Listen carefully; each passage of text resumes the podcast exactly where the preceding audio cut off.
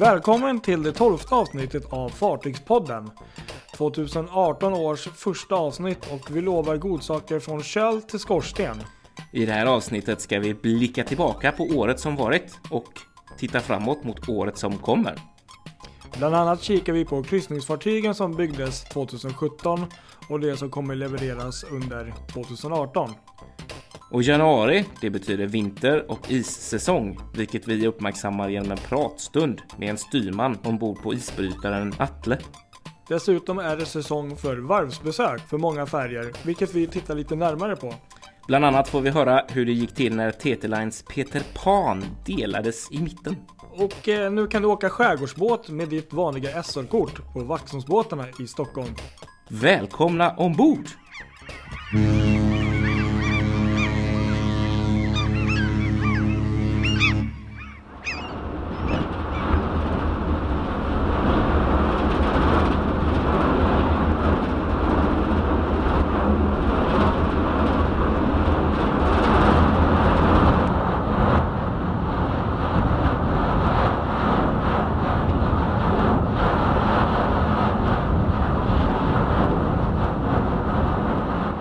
Ja du Kristoffer, det här låter ju farligt kallt alltså. Mm, ja, du har Eller helt ja, rätt. kan det vara det? Det är det kallt? är kallt så det riktigt biter i Ja. tårna.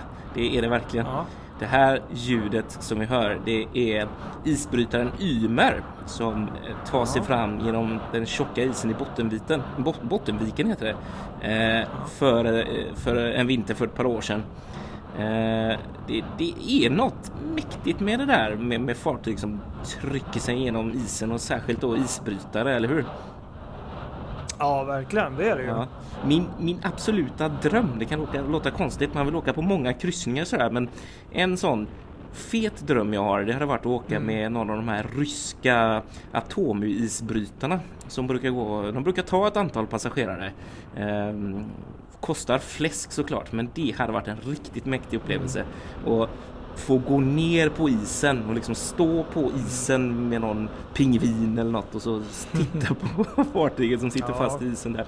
Det hade varit så coolt.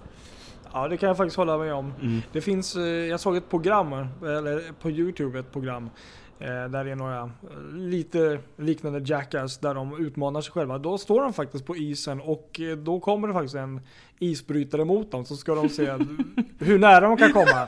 Jag ska försöka hitta det här klippet, det är eh, lite det du pratar om. Ja, precis. Galet. Jag skulle nog i och för sig föredra att stå stilla och kunna njuta lite av stunden istället för att... Men det är olika som man är. Ja, ja. Personer. Nej, så är det ju. Ja, så är det verkligen. Ja. Ja, vi är inne på det tolfte avsnittet av Fartygspodden och eh, årgång två egentligen om man nu ska se det så. Vi börjar, vi, vi fyller inte riktigt ett år än för vi började med första avsnittet under våren. Men man kan ändå säga att vi är inne på årgång två eftersom det Ja. är 2018. Eller hur? Det, det är det. Ja. Det är ett eh, väldigt fantastiskt år som har varit och eh, ja, Mm. vi är väl väldigt nöjda och glada och eh, förvånade över ändå hur bra respons vi har fått. Ja. Vi fick ju en eh, milstolpe till här i december. eh, Ja, just det. Vad hände då? Vad hände då? Vi lyckades ju, vi hade lite som ett drömmål att lyckas komma över smått magiska tusen följare på alla våra sociala medier. Mm. Och Instagram var inga större problem, det löste vi rätt lätt. Eh, Men Facebook var lite trixigare. Men till slut, några dagar före nyår och med hjälp av lite, lite advertising på Facebook också så lyckades vi komma över, eh, komma över den här tusen följarstrecket vilket känns magiskt. Mm. Ja, verkligen. Det trodde vi nog aldrig Nej, från början. verkligen Ett inte. par hundra kanske, men tusen det är... Ja, Du, det... Nu får vi liksom vakta oss vad vi säger. Vi kan liksom inte hålla Ja. på längre och fjanta. Det går inte. Nej. Nej, det här blir usch, seriöst. Nej då. Eh, som vanligt, vi brukar prata om ros och ris. Har vi fått någon ris? Vad du vet om? Ehm, nej, inte vad jag har Nej, sett. jag har eh, tänkt faktiskt. också, men jag har inte riktigt kommit på något heller så. Eh, Folk har ju varit upptagna vet jul. ja, man har inte tid med oss. Nej, nej. Tyvärr. Nej, jag, jag tror inte heller det har varit så. Vi har fått lite hejarop och vi har fått lite bilder Ja. och sådär från er som lyssnar Ja. på vår Facebook-sida. Väldigt roligt, alltid kul när vi får den typen av eh, inspel. Sen fick vi en grej som jag tyckte var Just det. rätt spännande. Det Ja. var en person som heter Anne Jones som skrev till oss eh, ganska långt. Hon visste inte riktigt vart hon skulle vända sig men hon testade att skriva till oss. Eh, Mm. Det är nämligen så att hon har eh, fått tag i ett gammalt tvättställ från det. goda vänner som eh, som eh, hon har fått berättat för sig att, då, att det har varit en inredning på ett fartyg. Eh, och det är någon då som har sagt till henne eller skrivit till henne att det ska ha befunnit sig eh, i USA 1946. Eh, det är ett årtal hon har. Alltså hon, hennes största gåta just nu det är att försöka ta reda på vilket fartyg det här kommer från då. För att hon tycker det är så vackert och det är väldigt fint. Vi, vi fick en bild då. Det är ett vackert träskåp med med mm, ett handfat uppe på då som är ganska runt och... Ja. Hon skickade ju eh, ett antal bilder, men- Ja. men jag tror att vissa av de här årtalen, det är flera. Ja. Jag tror de står inristade på något det. sätt bakom eller Så något. Det. eh, det är väl därifrån hon kanske hon har fått eh, Ja, information. så är det nog. Precis. Exakt. Eh, vi gick bet. Vi... Det var ju jättesvårt att hitta något om det här, eller hur? Ja, jag försökte ju googla eh, fram leverantören på det här tvättstället. Det var ju något märke där, men det gav inte så mycket. Det var väl en och annan som sålde på Amazon något liknande. men, eh, någon kran, men, men det, ja, jag vet inte. Kanske tittade fel då, men, Mm. men ja. Ja, ja. Så är det. Så är det. Eh, hur som, jag tänkte att vi ska försöka ta det här så långt vi kan nu eftersom vi då har tusen följare på Ja. Facebook. Så tänkte jag att vi ska, ska försöka lägga ut det här och eh, se om det är någon annan där ute som kanske känner igen det eller kan veta något om det eller har någon gissning på hur hon Mm. kan ta sig vidare i sin eh, forskning efter var detta föremål kommer ifrån. Ja, det tycker jag ver- verkligen. Det är alltid kul att få lite input från andra. Ja. Och det är många kloka, eh, erfarna människor där ute som kanske kan komma med något eh, tips eller kanske vet rent av varifrån det Precis. kommer. Så kika in på vår Facebook-sida så ska vi lägga Mm. upp det någon dag framöver här. Eh, I det här avsnittet av, av Fartygspodden tänkte vi prata lite om året som gått och året som kommer. Det är ju precis årsskifte, eller varit precis här. Vi är i Mm. Januari, denna mörka tid av året. Eh, och eh, på kryssningsfronten tänkte jag vi skulle ta och summera lite här då. Eh, om vi ska börja blicka tillbaka 2017 och alla de fantastiska nybyggen som vi har skådat. Det är en eh, ganska så fet lista. Med ja, det är det. både större och mindre båtar. Eh, vi har eh, Seaborn kom en Core. Det är alltså en ny klass. Eh, en helt ny klass av den gamla klassen som Seaborn Okej. byggde med, med med, ja vad hette de egentligen? Jag kommer inte ihåg. Men den Odys, eh, just det, Odyssey-klassen hette den förra. Det här är en klass som är 25% större. Eller 26% till och med större. Eh, och ska ha 34% mer passagerare då. Eh, ja, läckert fartyg sådär. Jag tror inte, Mm. jag vet inte, vi kommer väl inte se henne så mycket här. Eh, nej, det, det kommer vi nog inte göra. Eh, sen har vi några lite mindre som jag förstod det som är eh, en ombyggd eh, det är inget nybygge utan en ombyggd gammal båt. Eh, Natural Geographic Endeavour 2 eh, har varit på en rejäl ombyggnad och i stort sett blivit ett nytt fartyg då. Det är en sån liten liten eh, expeditionsfartyg eh, som tar 96 passagerare. Ja, nej, de är, de- den är ganska söt faktiskt. Ja, det är den. Desto större, om man får säga. Ja. Verkligen mycket större. Där har vi Norwegian Joy. Ja, just det. Eh, 3900 passagerare. Lite skillnad mot 96. Ja, det, ja just det. Lite. Verkligen. Det är ju, eh, den, det är ju speciella med den är att den är byggd för eh, kinesiska marknaden. Mm. Byggdes i eh, Pappenburg. Syster till Norwegian Escape bland annat. Som vi är välbekanta med. Men med Ja. en sån go-kart-bana istället. Precis. Den har ju sitt lilla egna tema där. Ja, precis. Exakt. Coolt. Så har Ja. vi Majestic Princess. Just det. Eh, eh, Princess Cruises nybygge där. eh, som också är för kinesiska marknaden. Just det. Ja. Kom i början på året där och eh, gjorde några kryssningar i Medelhavet innan hon drog över till eh, Stilla havet istället. Mm. Sen har vi två systrar. Viking Sky och Viking Sun som blev klara. Just det. Kom i mars respektive december. Eh, och är systrar till tidigare Viking Star och Viking Sea. Precis. Det är ju Jätte- fantastiskt fina båtar som eh, Ja, kostar en slant att åka med men eh, det är ju roligt det där rederiet som tidigare varit ett sånt där flodkryssningsrederi som nu har satsat på eh, riktiga fartyg om man nu får säga så.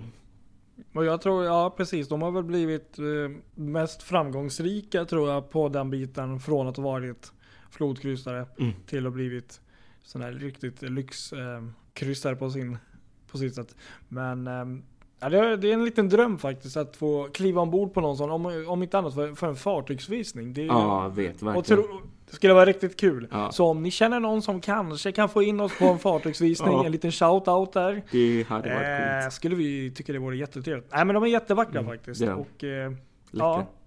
De, det är lite kul. Viking Sky, jag undrar om det inte var Sun också, men jag, vet, jag tror det var Sky faktiskt, kommer till Göteborg nästa år. Okej. Eh, och, och ehm, det ska bli riktigt kul att få se. De ska ju inviga, det ser jag jättemycket fram emot om vi ska prata det. 2018, men de ska inviga en ny kryssningsterminal här i Göteborg Mm. eh, vid eh, Amerikaskjulet. Så då ska de här eh, lite midsize fartygen, de som kommer under Älvsborgsbron, de ska ligga där då. Perfekt. Det blir säkert väldigt häftigt. De brukar ju väldigt ofta brukar de här fartygen ligga inne precis vid ehm, Fotografiska inne i Stockholm. Ja just det, precis. brukar de ligga. Där Exakt. ligger de oftast. Ja, exakt. Väldigt vackert. Nej, väldigt vackra Ja, fartyg. nice. Både interiör och exteriör. Ja. Så att, eh, ja, Nu, häftigt. nu är det här inte en ny klass i och med att vi hade två Nej. systrar som kom redan tidigare. Men jag måste nog ändå säga om man ska på något sätt ranka en, vi har inte dragit igenom hela listan här, men om man ska ranka någon favorit från 2017 så ligger de här rätt bra till för mig alltså. Ja, nej, men det är samma här. Väldigt vackra fartyg. Eh, Celebrity, de är ju farten Ja. jämt och ständigt. De har ju Mm. kommit ut med två stycken mindre fartyg också. Celebrity Exploration och Celebrity Experience. Eh, Just det. Riktigt, riktigt, riktigt små båtar. Eh, Celebrity Ja, Exploration tar bara såg det. 16 passagerare och har 8 hytter. Kan du fatta? Nej, det är lite skillnad på, på dem och deras större fartyg. Exakt. De- de- Experience tar väl- 48 så det är lite större. Det är väl katamaraner kan man se det nästan ut som. Ja, typ. Någon Precis. katamaranliknande litet fartyg. De är coola. Ja, det är väldigt söt faktiskt. Ja, eller hur? Ja, Eh, så har vi Silver Muse. Säger man just väl. det. Eh, Ja. Ganska obekant med den måste jag säga. Eh, kom i april för Silver Sea.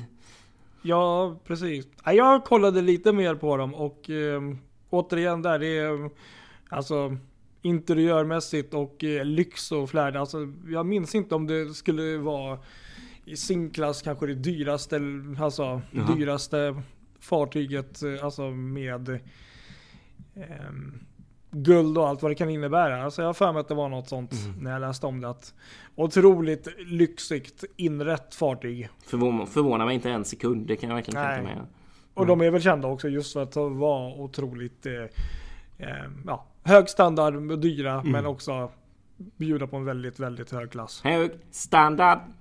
Som en Ja. viss skånsk artist sjöng en gång i tiden. Ja, just det. Och, och han åkte inte Silver Muse. Nej, jag tror inte riktigt han... Kanske Det är inte. inte riktigt hans grej. Om man ska Nej. Ja, men jag tycker det ser väldigt, vackert ut. Jag minns faktiskt inte. Jag tror inte den var uppe i Stockholm. Eller var den det? Jag, nej, jag nej, känner inte nej. heller igen. Det är ett sånt fartyg som jag har på listan Mm. över lite udda namn som man bara liksom Ja. så här, vet, sett i lite olika Ja. flöden men inte mer, mer än ja, så. det är väldigt vackert inrett i alla fall. Ja, kul. Och tror att det är säkert riktigt eh, trevligt att åka med också. Ja, precis. Sen har vi ytterligare ett äh, sån här forskningsfartyg, jag säga, eller Mm. nästan på. Alltså, sånt, Expedition. Ja, expeditionsfartyg. National Geographic Quest. Mm. Eh, Ett helt nybyggt fartyg för 100 passagerare. Eh, Byggt för Alaska, för deras inre passager. Det bara låter ju som en dröm ju. Ja, alltså bara National Geographic som jag är ett stort fan av. Har till och med numera en kameraväska med just National Ja, ja. Geographic. Så att, eh, nu gjorde vi lite reklam för dem. Ja. Men, nej men allt med dem verkar ju väldigt spännande tycker jag. Verkligen. Sen har vi några riktigt, riktigt stora som jag tycker är riktigt, riktigt spännande som har kommit under året Mm. för MSC. Eh, Just det. Om vi ska börja med MSC Meraviglia. Eh, Mm. Denna bjässe, 5700 passagerare. Eh, den är väl... Eh, ja, den är väl det största, precis den slår ju Joy där. Eh, största kryssningsfartyget som har eh, fötts 2017 om man nu får säga så. Ja, precis. Det var en eh, väldigt eh, stor grej när den kom. Mm. Det var väl också just för att det, är, um, att det var en helt ny fartygsklass. Ja, exakt. Det ser man inte varje dag. För ofta Nej. är det så här liksom att Inget ont om som sagt Viking eh, Sky och Sun och allt de där men det börjar bli fler och fler och jag har svårt att hålla reda på vilken som är vilken när det blir så här 5, 6, 7 Jag vet inte hur många som finns i samma serie Men när det kommer en helt ny klass då blir man lite så här Mm. wow Precis.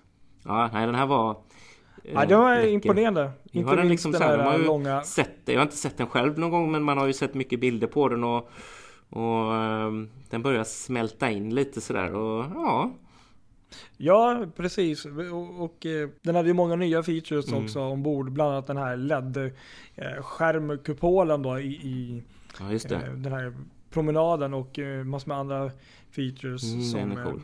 väldigt spännande. Så nu har man ju börjat se lite mer bilder och sånt. Och eh, vi, vi har ju blivit lovade kan man ju säga en eh, intervju med en god vän här som faktiskt har åkt Just det. detta fartyg. Ja. Och nästa fartyg som vi ska ta upp här nu. Mm. Samma rederi. Jajamensan, Double Up.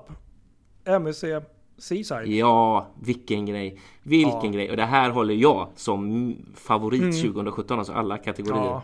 Ja, den, den är nog nästan lite vassare Ja. än Meravidja. Jag tycker det också.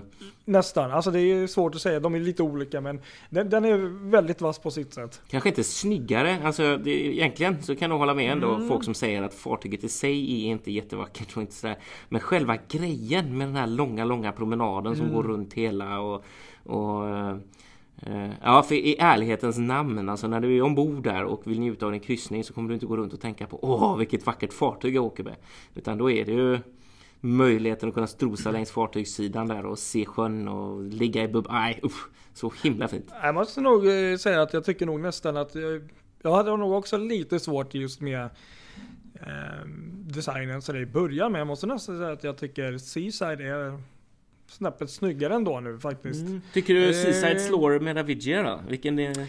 Alltså, om, nu snackar vi ju bara, alltså det här är ju väldigt ytligt. Nu snackar vi ju bara utseende här. Ja, Men om, om, det får man göra här. det här är som eh, fartygens Tinder. Ja. Vi går bara på utseende.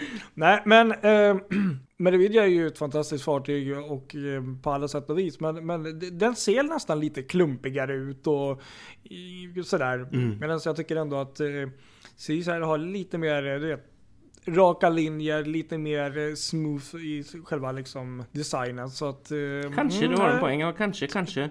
Det är väl just det här som är min känsla är att när man ser akten där så känner jag att det är så extremt okej. mycket eh, hotellkomplex. Alltså det är Ja. precis en sånt där hotell som man liksom ser vid en Jo. pool som kan ligga i vilken, Ja, i vilken Mallorca som helst sådär. Ja, Och det är ja lite men okej. det. där- Ja, känner jag Där lite. kan jag väl köpa att det är så, men annars tycker jag, alltså om vi nu tittar designmässigt för över framifrån Ja. så tycker jag att den är ju förbaskat snygg för. Liksom, Ja, ja, där slår, slår den faktiskt Meravigia. För jag tycker inte Meravigia ser lite konstigt ut med de här jätte...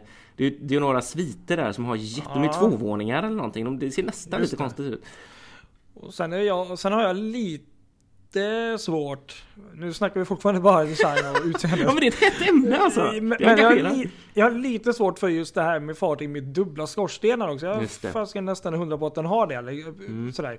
Men, men eh, fantastiska fartyg båda två och jag menar bara att eh, vi har gjort en hel del eh, MEC inlägg senaste året här. Men det är, det är fantastiskt med ett bolag som ändå kommer med två så stora nya Ja, det är det. designer Gud. på ett samma år. Och massa nya klasser de ska bygga Ja. framöver också så det är ett jäkla Precis, alltså. nu kommer ju plusklassen och sen kommer det ytterligare en som heter World Class om eh, några år. Så att, jag kan inte komma på något annat rederi som eh, med så många nya eh, ja, fartygsklasser på en och samma gång. Mm, Precis. Möjligtvis att Royal Caribbean kanske haft eh, något liknande någon gång. Ja. Men ja, jag vet inte. Ja, det är fräckt i alla fall. Ja, det är riktigt häftigt. Så att, eh, ja, Spännande. Ja, det är det verkligen. Och eh, Marividja kommer ju till eh, ja, Ja, vi vet ju inte. Alltså det är sagt till Nynäshamn. Men eh, man kan ju alltid drömma om att den kanske kommer in till Stockholm. Men vi får se. Men den kommer Ja, ju till Stockholm visst. slash Nynäshamn i alla fall i Exakt. sommar. Ja, och det- det, det- ska vi inte missa. nej, jag kan säga det där då. Det är ju bara ett enda anlöp också, så att det där vill man ju faktiskt inte missa. Och då gäller det att vädret är bra också. Ja. Eh, Det var de 12 fartygen som eh, vi, som har, kryssningsfartygen då, som har fått se dagens ljus under 2017. Ja, precis. Mm. Och då är det väl lämpligt att eh, ta och vända blad som någon sa, en känd Ja. person i Sverige. Och eh, titta på 2018. Ja, det här blir ett riktigt spännande år. Ja. Många nya fartyg. Men eh, det här är tydligen det största kryssningsåret när det kommer till antalet nybyggen då. Sedan Wow, cool. 2001. Då 17 fartyg levererades på ett och samma år. Jaha. Och eh, ja, 25 052 nya bäddar genererade det. Jaha. Eh, medans i år så är vi faktiskt ett fartyg mindre än 2001. Det blir 16 nya fartyg tydligen. Mm. Och här ser man då skillnaden på hur fartyg har växt i antalet eh, platser och så. Alltså passagerarplatser och så. så. Då blir det en ny totalkapacitet på 34 352 nya bäddar. Jäklar alltså, det är ju som en stad eh, från flera städer. Ja, precis. Så att, eh, och, och det här är då den högsta eh, bäddkapacitetssiffran eh, siffran någonsin i hela ja, den här. Sjukt coolt. Så att, men 2019 blir ännu bättre år. Ja, Då blir det just det. 24 nya fartyg. Men det där är vi om ett år. ja så det tar vi nästa gång vi vänder blad. nästa år. Ja, Ja, nu har vi vänt nu- blad en gång. Vi tar ett blad i taget. Ja, Ja. ja men det är väl lika bra vi kör igenom den här listan tycker jag. ja det tycker jag. Eh, Det, det kan vara som lite eh, avslappning för er. Som ja, ja, ja, gud. En del sätter på så här, du vet, eh, sprakande brasa eller kvittrande Mm. fåglar för att lugna ner nerverna lite. Det här är ett alternativ till det kan jag säga. Fartygslistan över 2018 Ja. års nybyggen. Så vad ni än gör, promenerar, relaxar, kanske till och med eh, är på gymmet. Ja, precis. Så på hörlurarna, lyssna nu. Det här Exakt. kommer vara som smör för öronen. precis så. Ja, Ja, ja, I mars ser vi fram emot Carnivals nybygge. Carnival Horizon. mm. 135 000 tonnare. det är, ja, jag har kollat lite på den och den är alltså ehm, det ser verkligen trevligt ut eh, och eh, de fortsätter väl på sitt eh, eh, superprojekt där tänkte jag säga. Men på den här klassen som Ja, har just det. varit vinnande koncept med Funships 2.0 och eh, eh, Vista Class eh, konceptet. Så Mm. att eh, Ja, den är syster till Breeze va? Det är en... Eller? Ja, alltså alla fartyg där som kommer efter Breeze är väl någon modifikation av Ah, dem. eh, Mm. Sådär. Det är samma mm, bottenplatta på att säga för att prata Ja. bilspråk. Nej, jag tror väl förra fartyget var väl Carnival Vista som kom. Så att Just eh, Carnival det. Vista var Det väl är det ju. en, Det var ju som Breeze fast lite plus, lite Just det. till. Och sen kommer den här då som är väl en kopia av... Ytterligare lite plus. Ja. Mm. Så att, eh, nej men jättebra tema tycker jag och jättetrevligt att åka. Kan jag tänka mig om de håller samma klass som Breeze gjorde där för några Ja. år sedan.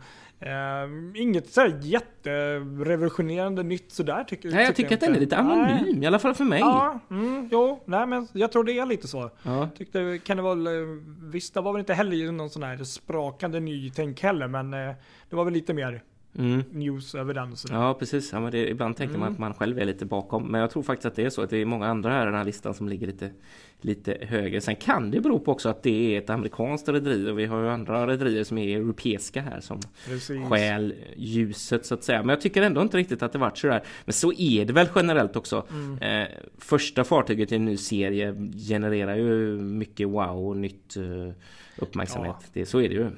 Så är det ju alltid så att ehm, det är inget konstigt med det. Det är säkert jättebra fartyg. Finn Canteri är det som bygger där i alla fall Mm. Eh, ett annat då som dock är ett fartyg som är också fjärde i samma serie eller Mm. i sin serie så att säga men som jag tycker ändå eh, skapar rubriker. Mm. det är kanske inte så konstigt men det är ju då världens största kryssningsfartyg. Mm. Mm. Symphony of the Seas. Ja precis exakt.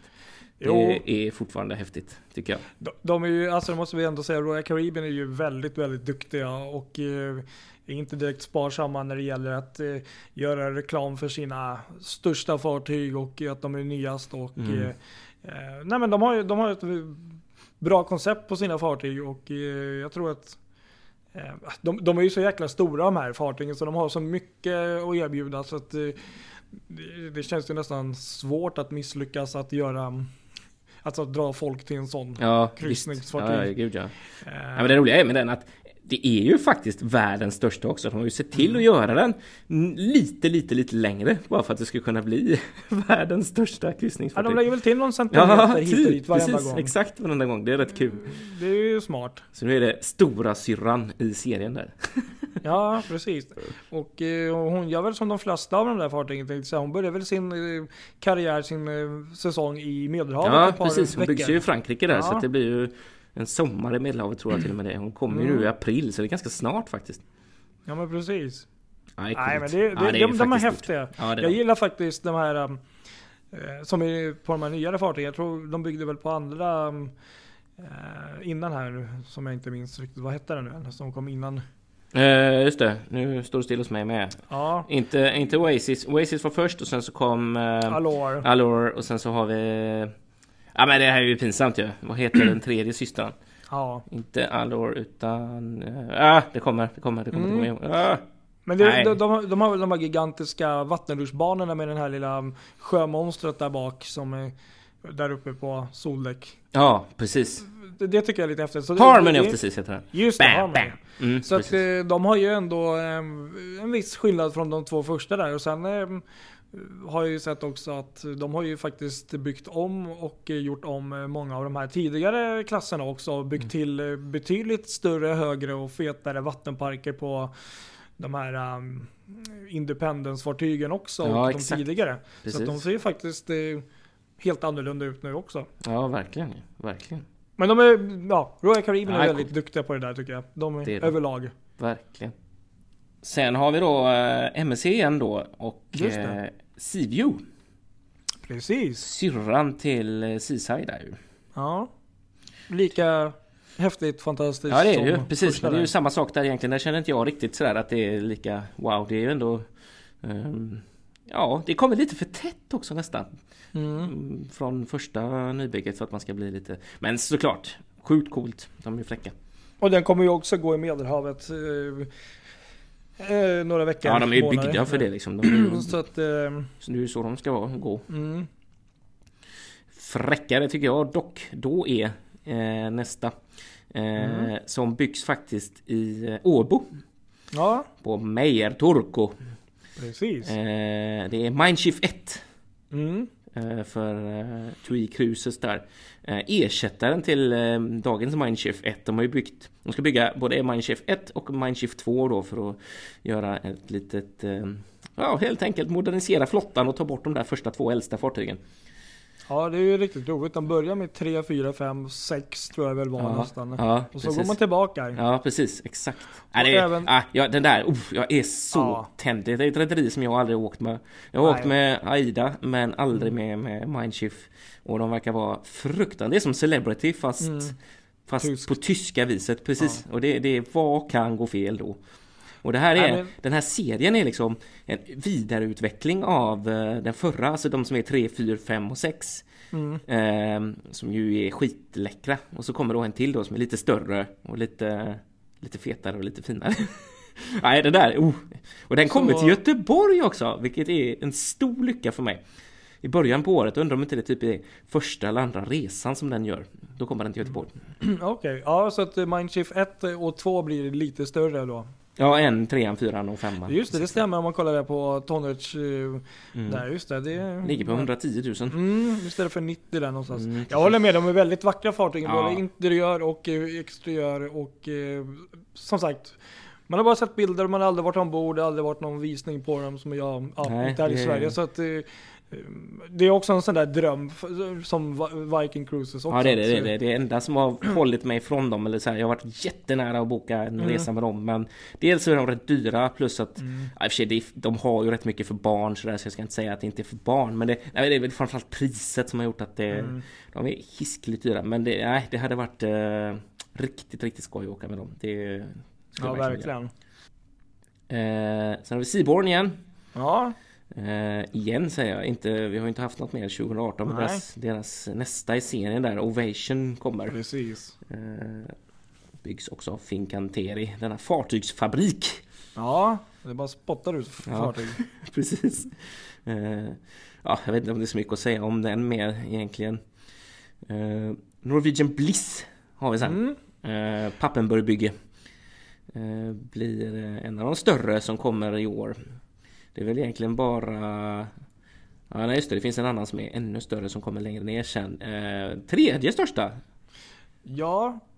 Sen det som är lite häftigt för Norwegian Bliss är väl också att eh, det som skiljer henne mot de andra fartygen som har byggts i samma klass är väl att den är tänkt att gå i lite kallare eh, Alaska Exakt. och upp. Den har, den har ju lite annorlunda skorsten och lite annan eh, attribut om man tittar på den. Ehm, men om man kollar på målningen också mm. ombord på fartyget så, så är det ju då, de har ju alltid haft nu sedan eh, några år tillbaka de här kända olika konstnärer och sånt. Ja, precis. Då är det någon känd konstnär som har målat massor med vackra, faktiskt, det här skulle kunna vara eh, ett fartyg för din son tänkte jag säga. Det är valar här ju. Ja jag vet, det är ju skitcoolt alltså. Riktigt läckert. Och så Ja, ja, de har nej, lyckats det... verkligen bra med det där. Med det, var väl breakaway-klassen där som mm. de verkligen gjorde ett stort, stor grej med, med ett stort konstverk på. Det, ja, det ser riktigt bra ut. Och här verkar man också ha kombinerat soldäck med eh, häftig vattenpark och även en gokartbana då. Ja precis, exakt. Eh, och så. Men, men ska, tanken är väl att den ska väl gå i lite kallare vatten och eh, vara lite mer för den marknaden. Mm, ja, den ser riktigt läcker ut faktiskt. Verkligen cool. Får se Verkligen om man cool. kommer se den i stan. Jag tänkte säga Stockholm om några år kanske. Ja, Vem vet? Aldrig. Man vet, man vet aldrig. Exakt. Stockholm och Alaska är ju, ja. Det kan vara nästan samma typ av temperatur. Nästan. Precis. Beroende på sommar. Ja. Exakt. Ja. ja. men som sagt det är ju faktiskt mm. riktigt coolt att man bygger ett kryssningsfartyg som är avsett liksom för Alaska. I och för sig ja. nu ska de gå i Karibien och så också men det är ja. ändå att man liksom ändå har haft den tanken med. Den har ju det temat och nej, de är väldigt fina fartyg faktiskt. Vi har ju åkt med Norwegian Escape och mm. eh, vad var det? Breakaway eller Getaway ja. där? breakaway, breakaway precis.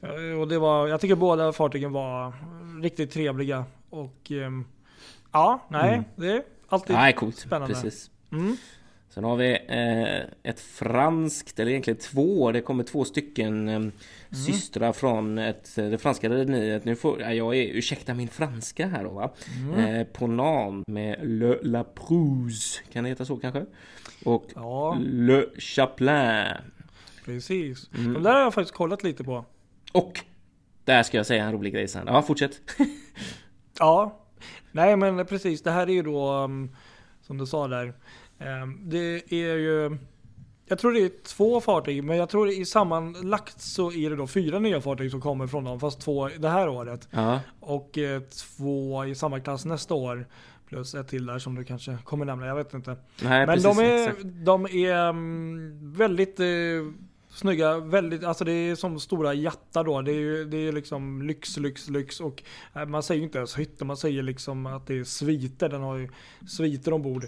Ja. de är då väldigt miljövänligt byggda och, och eh, kombinerat med design och hög standard. Så att det, det är som en stor lyxjätte att åka runt med. Mm. Eh, Precis. Och de Byggs väl på norska Vard tror jag Ja exakt, det stämmer. Det stämmer Delar, De byggde väl för den i på ett annat ställe. Ja, precis. Och det är lite kul. Eh, en av dem systrarna, inte, nu vet jag inte om det är den som byggt, jag tror den redan, det finns nog redan en som är klar va? Mm. Alltså jag vet inte riktigt, men jag vet i alla fall att en av dem kommer till Göteborg i år. Aha, spännande. Coolt va? Ja, men, ja, nej, jag tror faktiskt att det är den. Uh, uh, det måste La ju Perouse. vara... Uh, La Perouse. Jag tror det är den. Jag för mig att det är så att det är den som kommer. I alla fall någon jag gång tror... i augusti där. Nej men de är, de är jättevackra faktiskt, Ja, det det, är de. man har sett och, och eh, jag tror faktiskt upp med att jag min, minns som en, inte minns fel att, eh, att de har någon helt fantastisk så här, ljud, alltså något rum, alltså de, har- de har undervattens, eh, vad heter det, lounge om jag inte minns fel. Ja, så kommer Viking eh, Crew, Viking där med, med ytterligare en då i sin serie Viking Orion Precis. Incanteri. Mm. Eh, sen har vi Hurtigruten kommer med en spännande båt i år. Ja, det där måste jag ändå säga är faktiskt en av eh, mina favoritfartyg att se Mm. fram emot. Jag har aldrig åkt Hurtigruten men eh, det man vet, det man har sett är ju väldigt fint, anrikt rederi och eh, väldigt spännande fartyg måste jag säga faktiskt. Ja, det verkligen. Precis. Eh, Vi har, eh, det är Ro, Roland eh, Roald Asmussen heter han. Precis. Exakt. Och det här är väl då första fartyget i Explorer Class av fyra som ska väl byggas tror jag va? Det var Ja, väl två till en början men sen utökar de väl med två till tror jag. ja Om jag inte minns fel. precis. Det som också är lite intressant med de här fartygsklassen är ju då att det är ju då tydligen världens första expeditionsfartyg som är hybridfartyg. För den går ju Just både det. på bränsle så att säga och el. Ja, precis. Vilket jag tycker är sjukt häftigt för att det Ja, är det är det. precis som deras reklamvideo säger att Tänk dig där nu att du glider fram genom isen eller där de här, man ser isflaken i, i princip helt tystnad på, på en sån, jag kan inte ens prata längre. Ett sånt här stort fartyg ändå som Ja. det ändå är. Det är ju ändå ett ganska stort fartyg det är det. Det måste vara en häftig upplevelse. Ja, det måste nästan verkligen. ljudlöst fartyg. Sjukt coolt. Nej, det tycker jag är riktigt häftigt. Just när det är kanske miljöer som är väldigt Ja. sådär känsliga. Så att det här hoppas jag verkligen att vi ser mer av i framtiden om det är hållbart att kunna göra en sån. Helt rätt. Och Ja. det tror jag också om man tänker lite. Det tänkte jag är ett ämne att ta upp faktiskt framöver i podden. Men med tanke på. Jag såg någon siffra någonstans. Eh, på hur många nybyggen vi ser varje år. Så Mm. matchar inte det. Eh, alltså antalet fartyg som fasas ut. Det blir Nej, liksom ett det. överskott där. Eh, vilket ju man då kan fundera lite kring när det gäller den här eh, turismsektors eh, impact på miljön och sådär. Mm. Eh, så. Men det, det, det är en annan grej. Det tycker Mm. jag att vi ska ta upp. Det är en viktig fråga som jag tycker vi ska ta upp längre fram Mm. i podden. Det, det håller jag med om.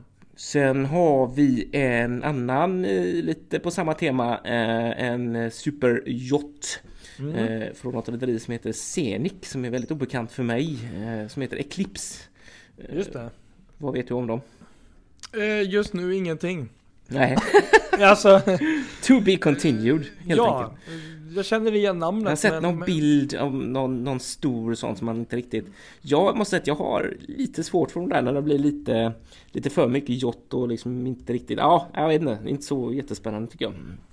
Ja, Okej, nu ser jag. Mm, Ja, den här ser ju verkligen ut som en riktigt stor lyxyacht. Ja. Alltså det är vackert mörkt skrov. Alltså det, ja, det, det här ser ut som en riktigt tvättäkta um, yacht.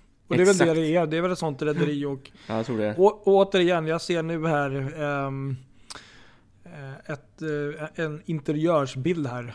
Eh, och ja, nu snackar vi ju verkligen high class här. Det, det, Ja, det det här är ju för rikt folk. Det är ju Men- så men- men långt visst- ifrån min vardag.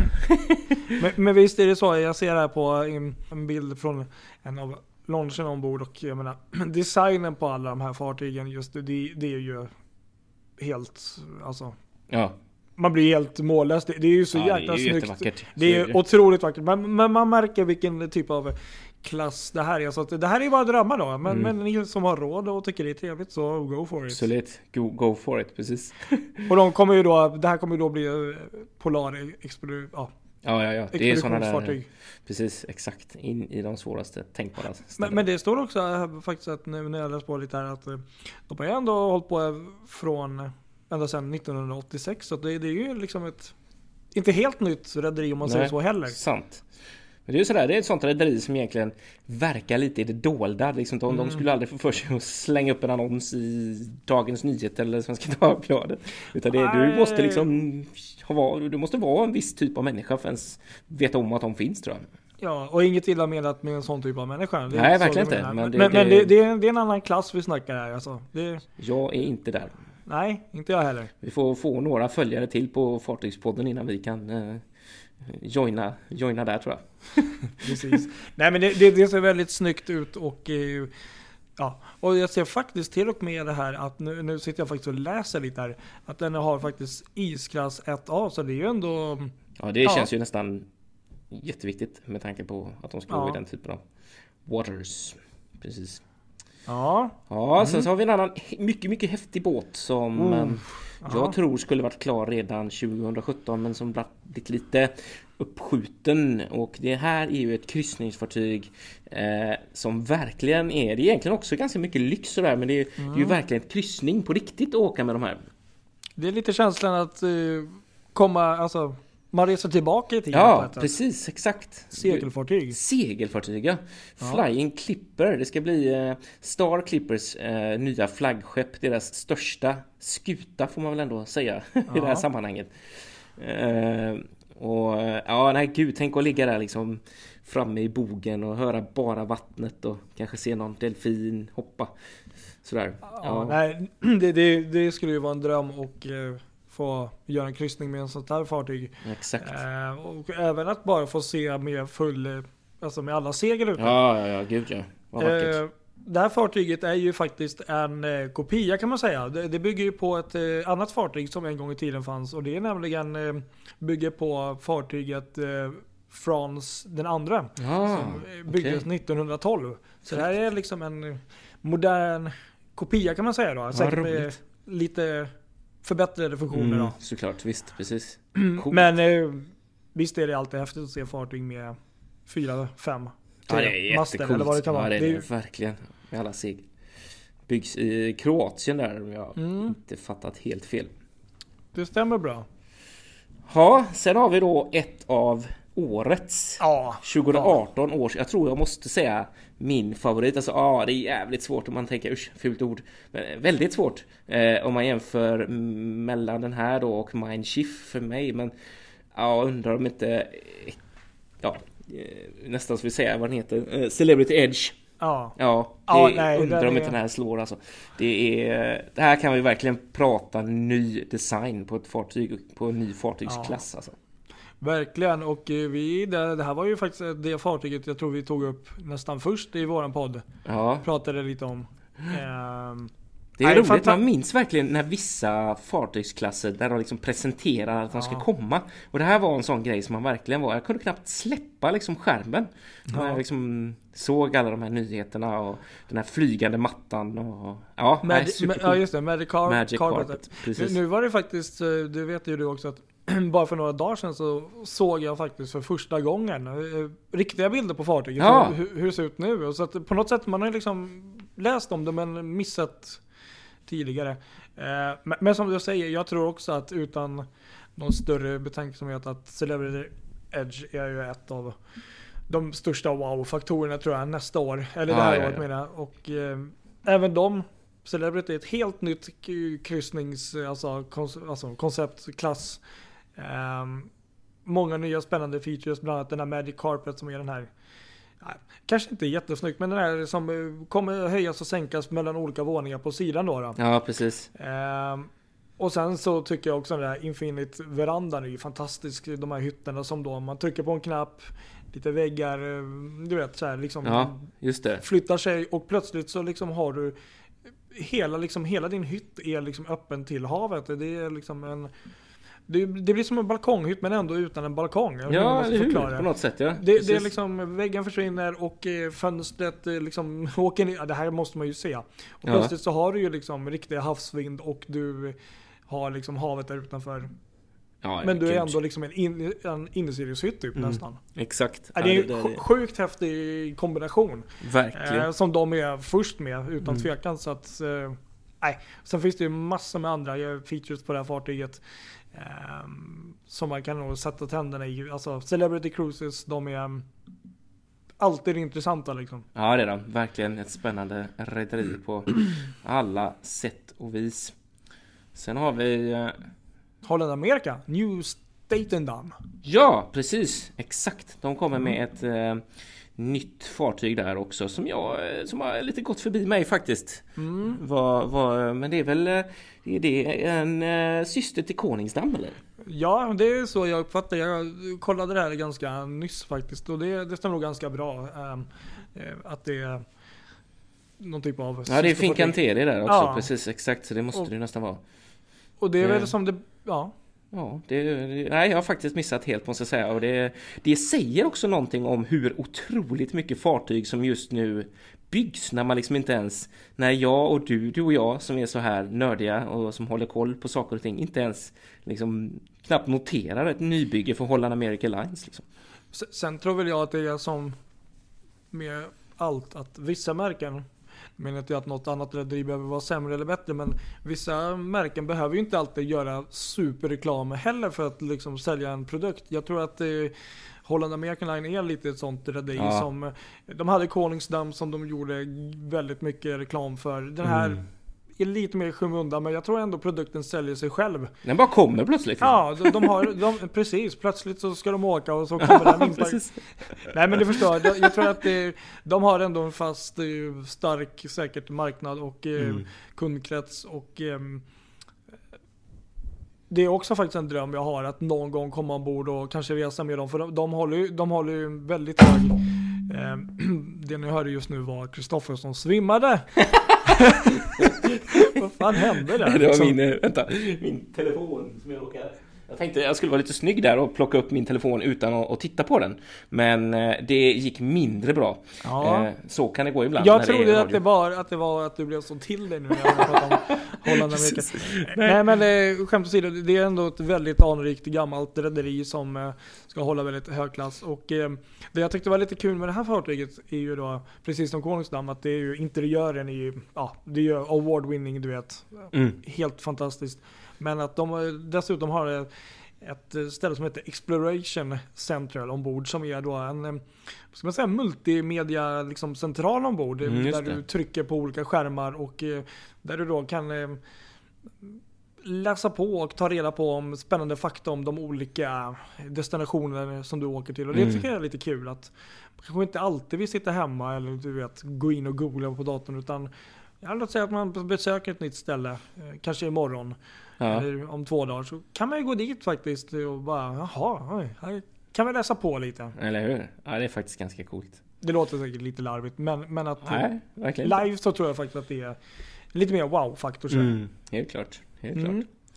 Sen har vi ytterligare en liten, eh, ett litet eh, rederi Uh, Mystic Cruises tror Det lät väldigt mystiskt. Ja, eller hur? Aldrig hört talas om dem. Ett, uh, Vad är det här? Ett World Explorer heter Aha. fartyget. Ytterligare ett sånt där. Som, som det låter på namnet. Ett mindre expeditionsfartyg. Det har 200 passagerare. 9300 i tonnage. ser ganska läcker ut om man bildgooglar. Så att det är ju säkert en, en, men det är ytterligare en sån där Ehm, ganska så fancy fancy tror jag. Ja.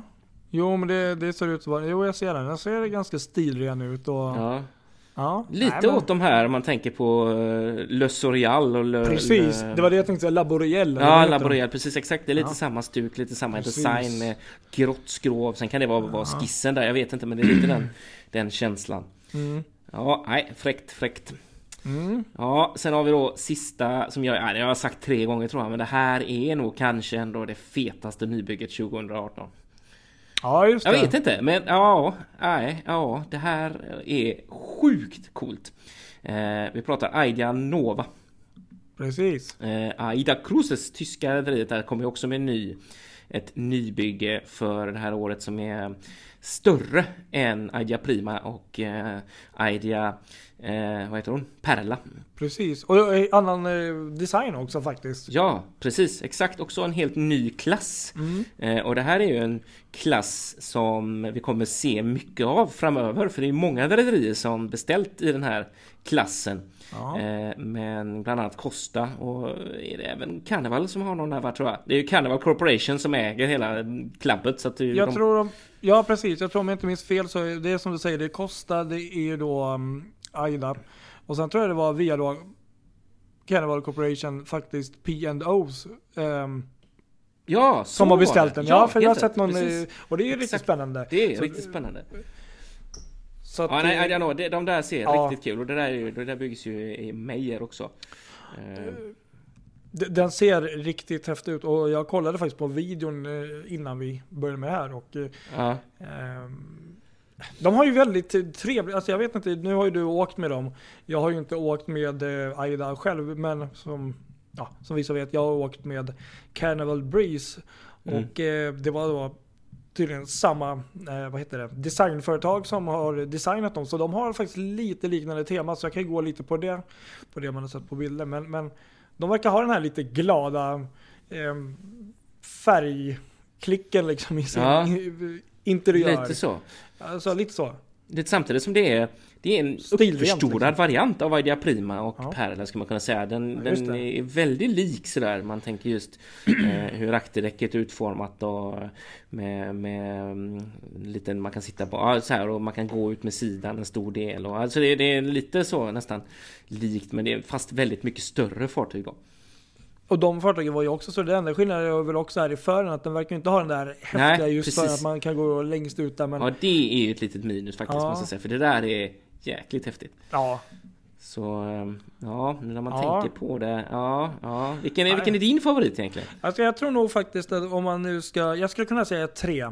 Mm. Och de tre, alltså visst, de absolut största det, det är nog ändå Aida, Nova och eh, Celebrity Edge, det är väl de egentligen. Ja. Men, men sen tycker jag nog ändå att uh, Hurtigruten där med sin eh, lite Ja, mindre blygsamma, att eh, det kanske inte att du ramlar av pinnen på grund av att det är 50 000 nya grejer ombord. Men, men det är ändå så här, just det här att det är en em, hybrid och nytt fartyg för just detta gamla fina Ja, rederi. det är tufft. Just precis framåt-tänket där liksom. Det Ja, är... det, det är nog det jag gillar just med dem framåt. Alltså att det är just el och att det är lite mer så. Men annars är det väl, ja, Aida och eh, Celebrity, det är väl, ja, de, de ligger nästan på samma nivå tycker jag. Jag tycker Ja, ändå att eh, Kanske att eh, Celebrity Edge kanske lite vassare just för att det är kanske lite mer av nytänk. För att det här är väl ändå en, som du sa, det här är väl ändå liksom Lite av det som varit på förra fartyget. så- Ja, men ändå visst. lite mer. Så det, Lite det, är, mer. det är inte helt uh, nytt alltihop. Men ska kommas ihåg dock att det här. Ideanova är ju, nej precis det finns inga män. Det är ju ett eh, kryssningsfartyg som kommer att drivas av LNG.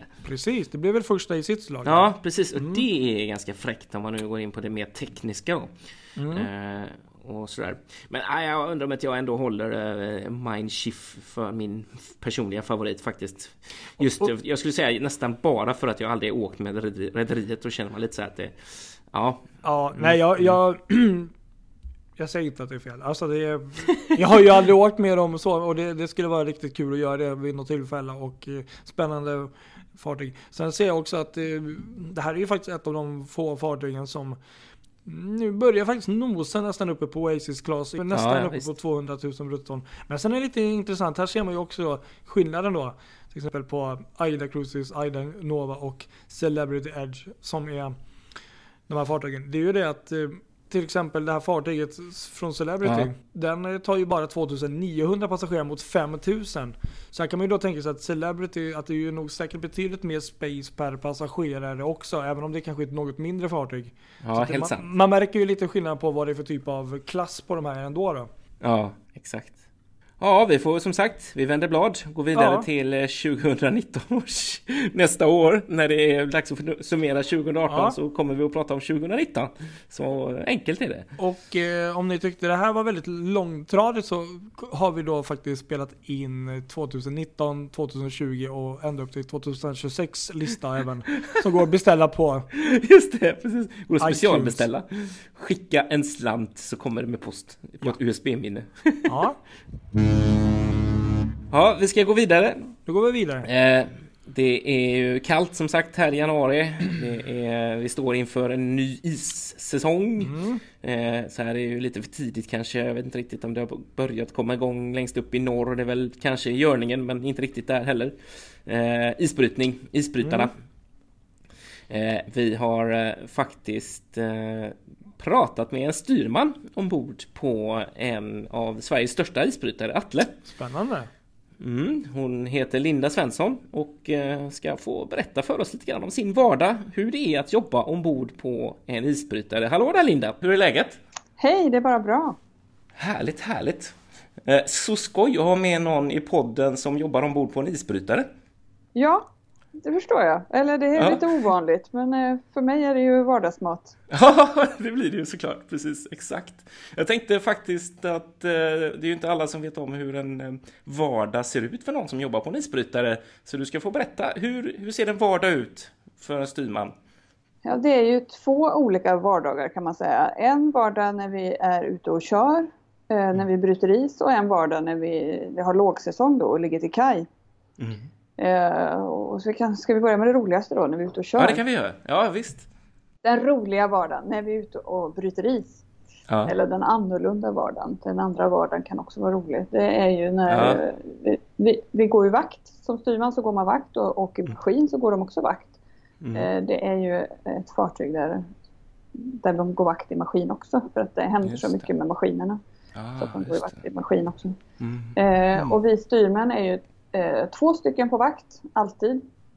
Okay. Eh, och man jobbar ett eh, fyra timmars pass och ett sex timmars pass.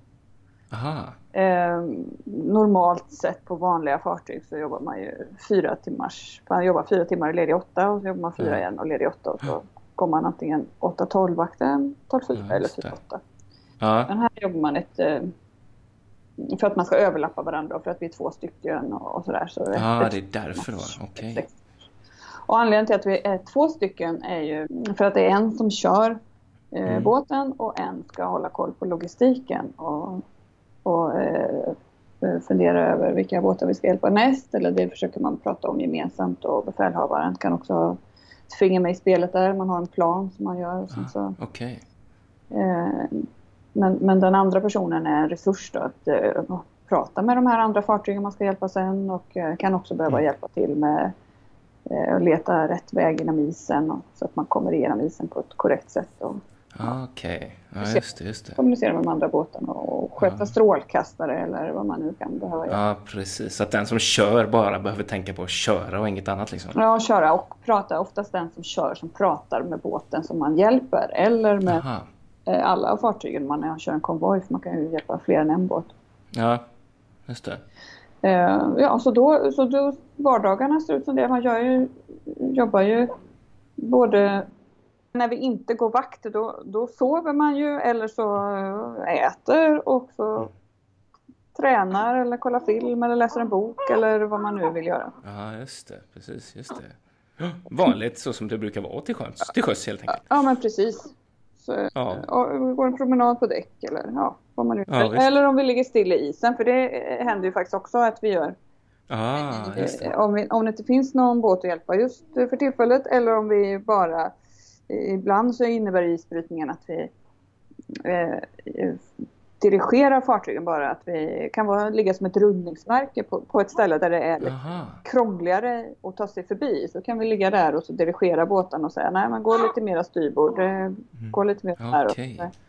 Uh. Det är ju ganska ja, effektivt för oss att hjälpa många fartyg och, mm. Eh, och ligga där. Och då, eller ibland så ligger det stilla för att det är lite lågtrafik. Så, eh, så då är det inte så många att hjälpa just då. Så kan vi ligga still och så kan man gå ner på isen och mm Häftigt alltså. Och, gå runt lite där, för vi ska ju också mäta tjockleken på isen och skicka ah. rapport om det på, till SMHI. Ah, så att de, det går inte att göra på något annat sätt eller? Eh, nej, vi kan ju, för att få ett, ett exakt mått så måste vi gå ner på isen och så mm. borra ett hål och, och mäta alltså helt mekaniskt och så Aha. Och så kollar vi också om det är våt is eller torr is och hur mycket snö det är på. Ja, och, så där. Så, och skickar vi in den informationen till SMHI helst en gång per dag om vi har möjlighet.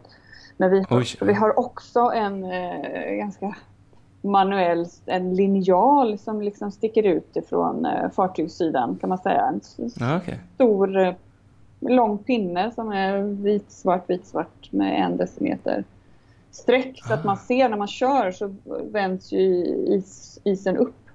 Och ja. Då kan vi titta ner och sitter den ju så nära vattenlinjen. Vi sitter ju på däck så att man liksom kan jämföra. Ja, men nu är isen två decimeter tjock eller. Ja, ah, just det. Jaha, okej okay, ja. ja. Det låter ju smidigare på ja, ett sätt. Ja, precis. Men det är också lite, det, det, sån information skickar vi inte riktigt in. Eller vi kan ju säga ungefärligt. Ja, ja visst. Det måste vara mer exakt det ni skickar in till SMHI liksom.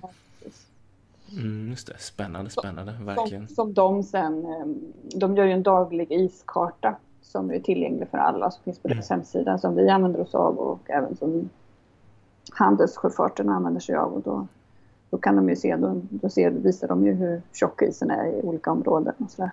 Ja, just det. Precis. Då baserar de ju det eh, på då, den informationen vi skickar in men även på sina satellitbilder och andra. Mm. De har ju säkert jättemånga instrument. Ja, ja visst. Och, och, vi skickar också in rapporter, andra rapporter om hur isen ser ut och, och sådär. Ja, just det. Mm. Ja, fräckt. Och den andra vardagen då? Ja, den... den andra vardagen när vi har lågsäsong och ligger till kaj. Eh, mm. Det är ju en, nästan en större del av året. Mm. Då ligger vi i Luleå för det mesta. Eh, och, och, där är hemmahamnen. Och sen så eh, då jobbar vi dagtid. Eh, allihopa. Åtta mm. till eh, halv sex varje dag. Ja. Eh, lördagar och söndagar jobbar vi en timme mindre. Aha, okay. Åtta timmar om dagen bara. Men eh, det, det, blir liksom det blir som att gå till ett vanligt jobb eller man ska säga. Ja visst, visst, visst. Eftersom ja, vi bara, bara jobbar dagtid. Eh, men vi bor på båten och eh, vi äter ombord och, och allt sånt där. Men mm. Mm. Då, okay. då, då, är det ju eh, alla rutinjobb som alltid måste göras även om vi ligger till kaj. Mm. Eh, som att kolla brandsläckare och sådana där saker som en styrman gör. Det, mm. det gör vi ju fortfarande. Um, och sen håller man på med massa andra saker. På hösten är det väldigt mycket inspektioner. Så ska man förbereda inför det. Och, ah, Okej, okay, just det. Mm. På, på däck så är det ju underhåll på sommaren så är, är det ju väldigt mycket underhåll. Det ska knackas ja. loss och det ska göras ditten och datten och inomhus så görs det också massa underhållsarbeten och i mm. maskin så har de ju alltid mycket att göra. För att det är ja visst, det kan de jag tänka. de har ju några år på nacken och maskin. Ja. Det är alltid, alltid någonting visst. som behöver åtgärdas och, och sådär. Så vi jobbar liksom vanligt och så på kvällarna så kan man göra som man gör när man är hemma fast man inte är hemma då. Man kan gå på bio eller springa ja, ja, ja. skidor eller, eller vad man nu känner för. Så det är ja, väldigt visst. speciellt. Ja, det förstår jag. Att man är, man är mönstrad, man är ombord på ett fartyg men man kan ändå gå på bio eller gå på en mm. konsert eller mm. gå på hockey eller vad man nu känner. Ja, visst. Eller ut och, ut och springa. Känns lite konstigt men det är väldigt, jag tycker det är väldigt bra också. Mm. Mm. Och, och trevligt. För det är aldrig, Atle gör aldrig några sådana expeditioner som, som till exempel Orden gör där eller? Nej, eh, eh, vi skulle kunna göra det. De förbereddes eh, utrustningsmässigt, Frej och Atle, för några år sedan för att mm. kunna eh, göra expeditioner. Så Frej har varit med en gång på en expedition ihop med Oden uppe vid Svalbard för några år sedan, två år sedan kanske. Har kommit upp. Um, så det skulle vi kunna göra om vi inte eh, går i, i för tjock is utan man kan vara ett logementsfartyg och, och lite mm. ja, ja, så vi, vi utrustades med mer radioutrustning som man måste ha för att köra där uppe. Livbåtar som togs bort. Mm, okay. Och det fanns ju öppna livbåtar från början men det togs bort för att vi inte, det fanns något krav på att vi behövde det. Men sen så sattes det tillbaka på, på Frej och på Oden och täckta livbåtar för att vi skulle kunna gå upp. Ah, ja, okej, okay. precis. Men, äh, ja, det vet jag inte om, det, om vi ska göra det något mer eller det gick ju väldigt bra för Frej så att det kanske blir något mer. Det får vi väl se. Ja, spännande, verkligen, verkligen. Men, men hur, eh, hur tjock is kan liksom de här fartygen klara av? De är ju byggda för, om vi tar Atle-klassen då, eh, Atle, eh, Frej och Ymer kallas för Atle-klassen för Atle var först. Um, och de är ju likadana, i princip identiska med lite variationer. Atle är byggd 74 och så kom Frej 75 och Ymer 77 och så finns det två finska isbrytare, Urro och Sisu, som också ah, systerbåtar. Ja. Uh, de uh, är specificerade att kunna klara 1,2 meter tjock is, uh, jämn is då, i treknopsfart. Att man bara kunna, ska kunna köra på. Ah, okay. Ale är ju lite mindre, hon är ju byggd för att, att klara slussarna och komma in i Vänern. Så hon ja, är maxad för att, att ta sig in i slussarna där. Hon bryter 0,6 meter tjock is i tre knop och Oden kör, mm. bryter 1,9 meter tjock is i tre knop. Aha, Men okay. sen så bryter vi ju tjockare is än så. Det är ju man tuggar sig liksom igenom tre knop och bara kan köra på. Men vi ah. bryter ju tjockare is än så. Och, ah, ja. Eh, jag jobbade på Oden förut och där brukade vi säga att Oden har tagit sig igenom 9 meter tjock is. Ja, oh, gisses, jag läste det någonstans där. Ja. Nio meter ja, alltså. och då, då rammar man ju isen, alltså man tar sats och så kör man på och så knäcks den lite och så kan man ta ah. sats igen och, och tugga sig igenom liksom. Ja, det är som en så tjock vall då egentligen som man bara ska igenom. Ja, precis. Det kan ju vara så. Mm. Annars är ju närmsta vägen genom isen är ju alltid att gå runt isen. Så brukar vi ju alltid säga. Ja, det är inte, det. inte lägga någon kraft på att ta sig igenom massa sådana där partier. Ja, om man inte behöver. Ibland Nej. så kan man ju behöva Oden när hon är på expeditioner och uppe i Arktis och när vi var nere på Antarktis också. Att, det, att man kunde behöva knäcka sig igenom något sånt där parti. Mm. För att eh, sen var det lite lättare. Mm. Men även uppe i, eller i, i, Bottenviken och Bottenhavet så kan det ju bli tjock is. Och isen mm. växer ju inte så att den blir så tjock. Jag vet faktiskt inte hur tjock is den kan växa sig till i, i Sverige. Men det blir ju tjockare när, när det blir sprickor i isen av olika anledningar. Om ett mm. fartyg har gått där eller det blir en spricka. Eller om det blir en mm. spricka ändå. Och sen så skjuter ju isflaken på varandra. Isen rör sig med ström och vind. Och då kan ja. ju ett isflak lägga sig på ett annat och då blir ju isen helt plötsligt dubbelt så tjock. Ja, precis. Just det Men det kan gå ganska fort va också? Att, den, att den isen blir tjock? Tjockna till? Ja, det kan ha varit ett ställe där det brutit upp en ränna och så liksom... Ja, det kan vi ju se bakom eh, oss. Om det, om det blåser mycket så ja. kan ju isen bakom oss gå igen som ett blixtlås. Aha.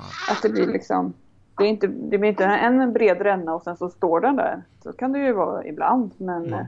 ibland så går det ihop direkt. Och då mm. kan det ju vara svårt för fartyget som går bakom oss och, följa efter.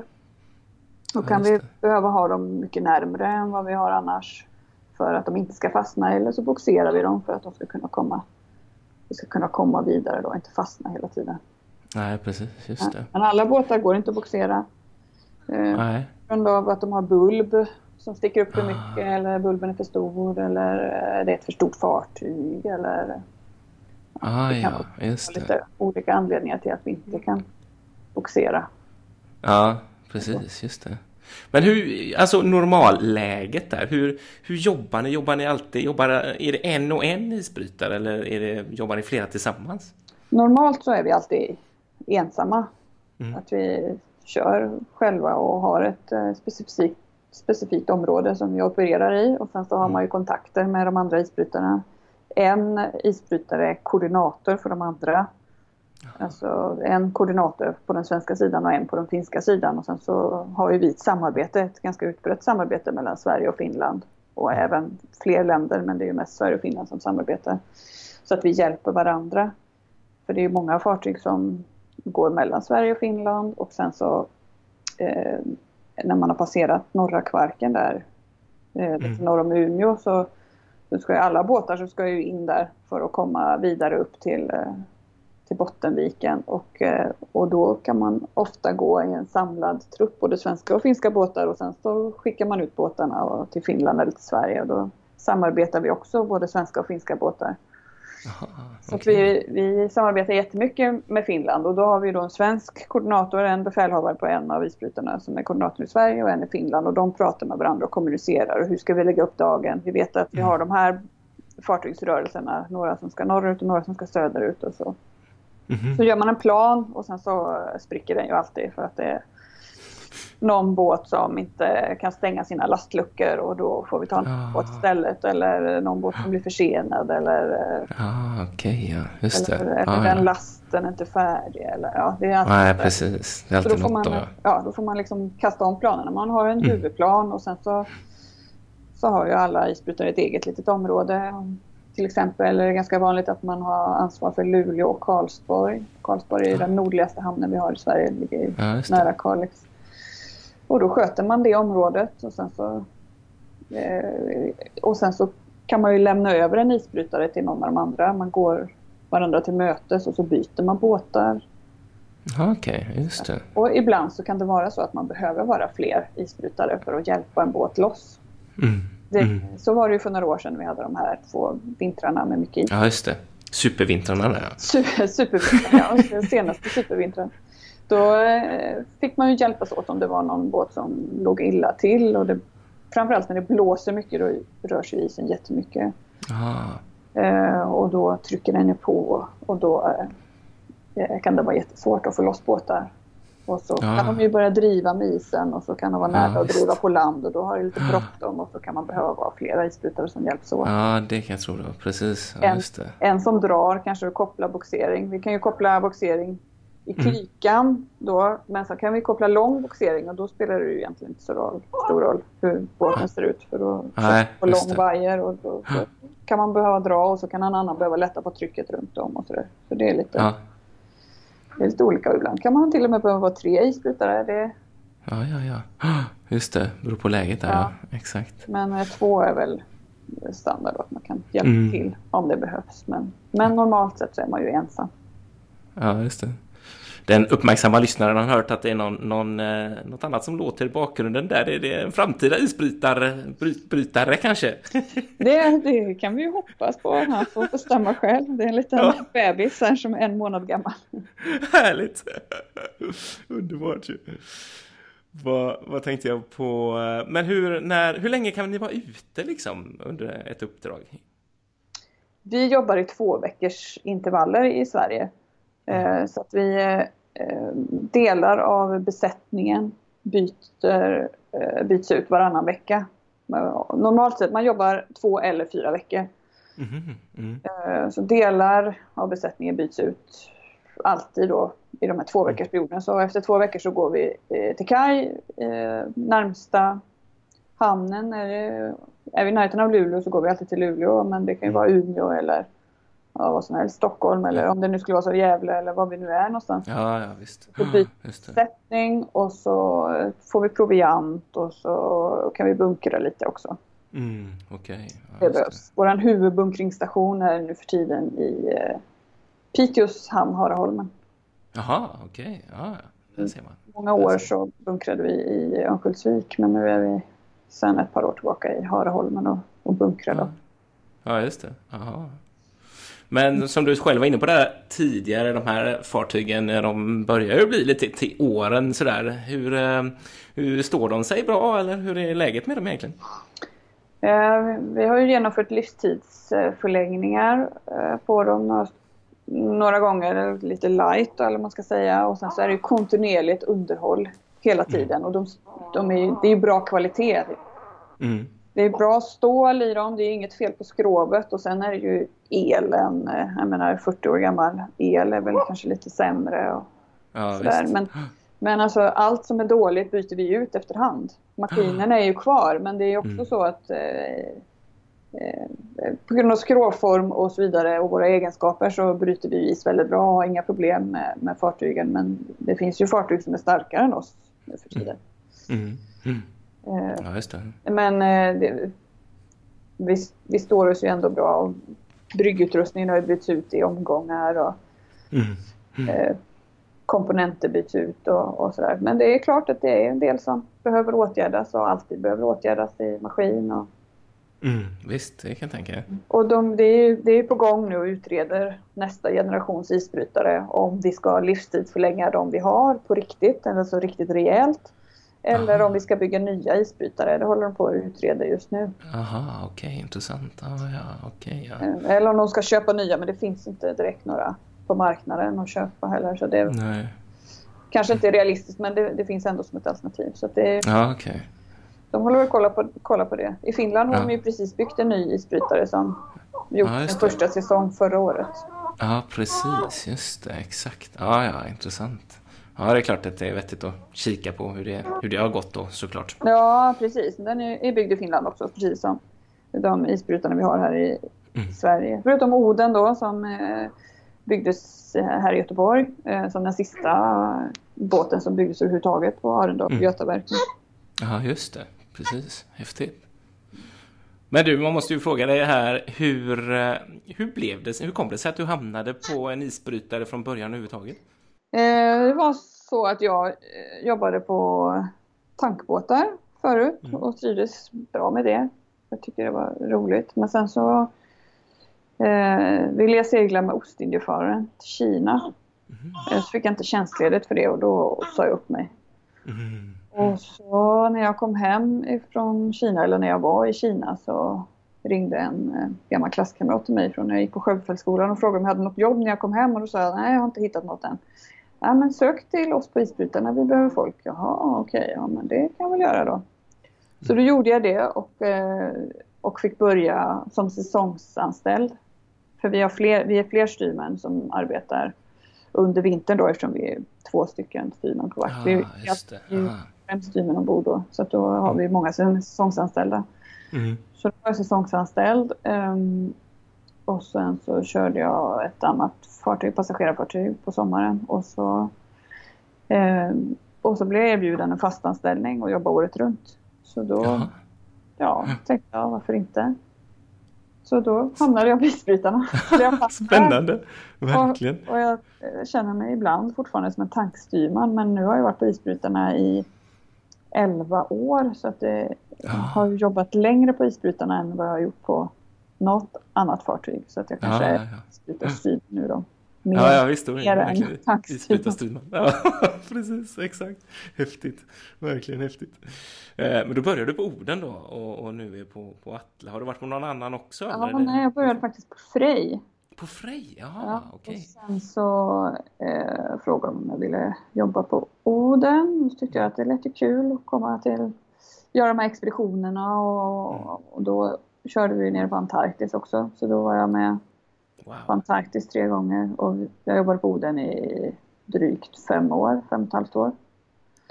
Och sen, det är sådana där resor som folk betalar hundratusentals kronor för att ja. få göra. Det ja, får du betalt för. Ja, exakt.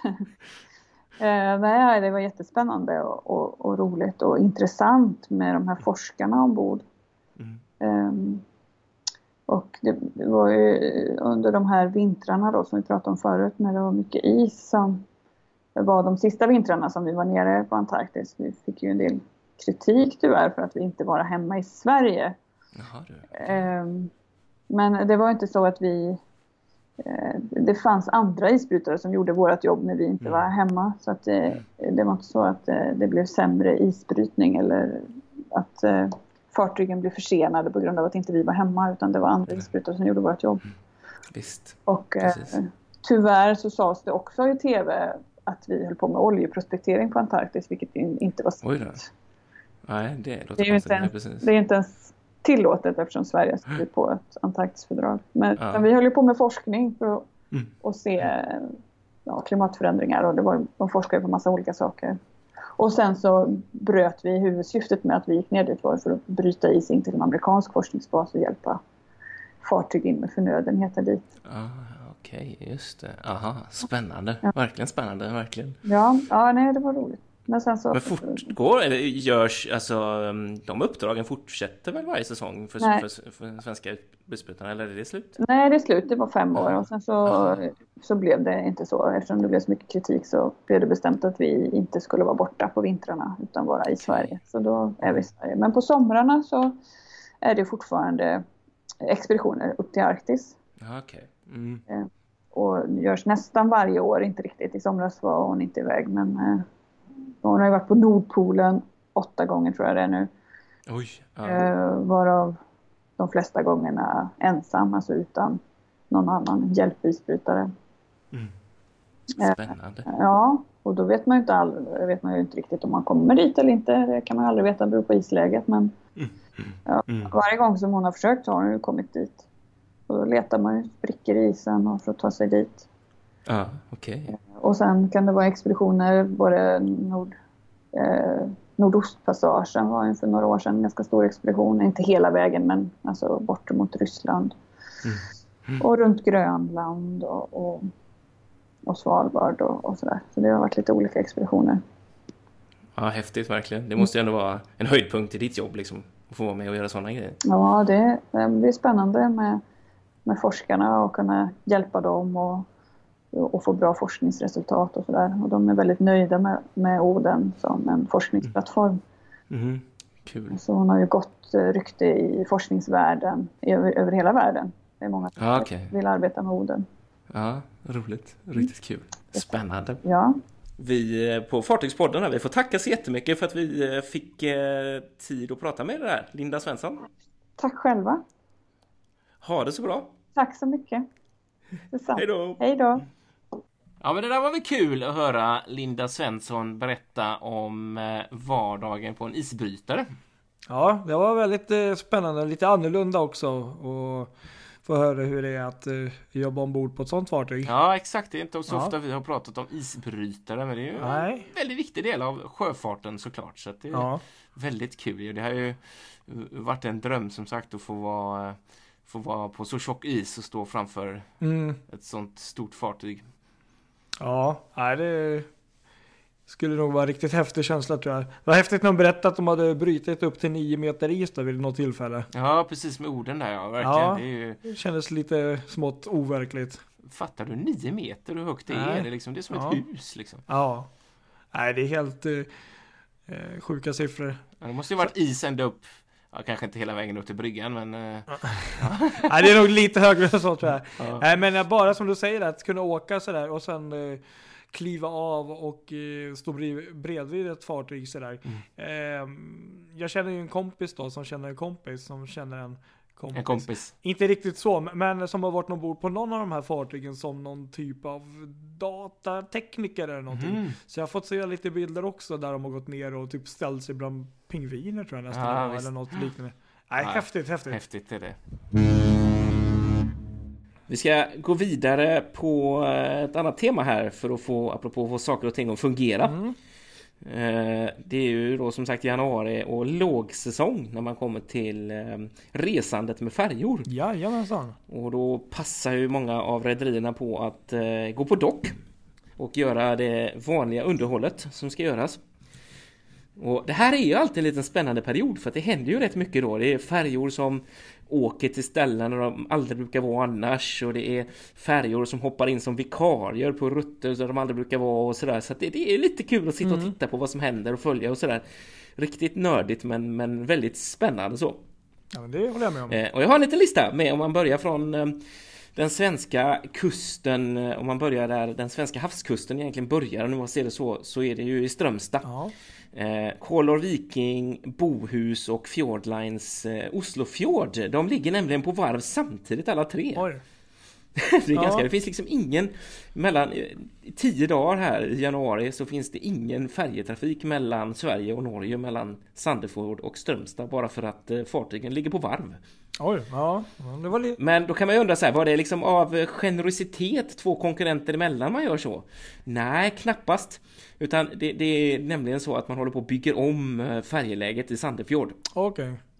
Så då har man liksom eh, valt att effektivisera det lite och, och, istället för att ha en båt liggande bara så, så går man på varv. Då har Kola Viking och Bohus de har bokat in sig på Örskov i Fredrikshavn.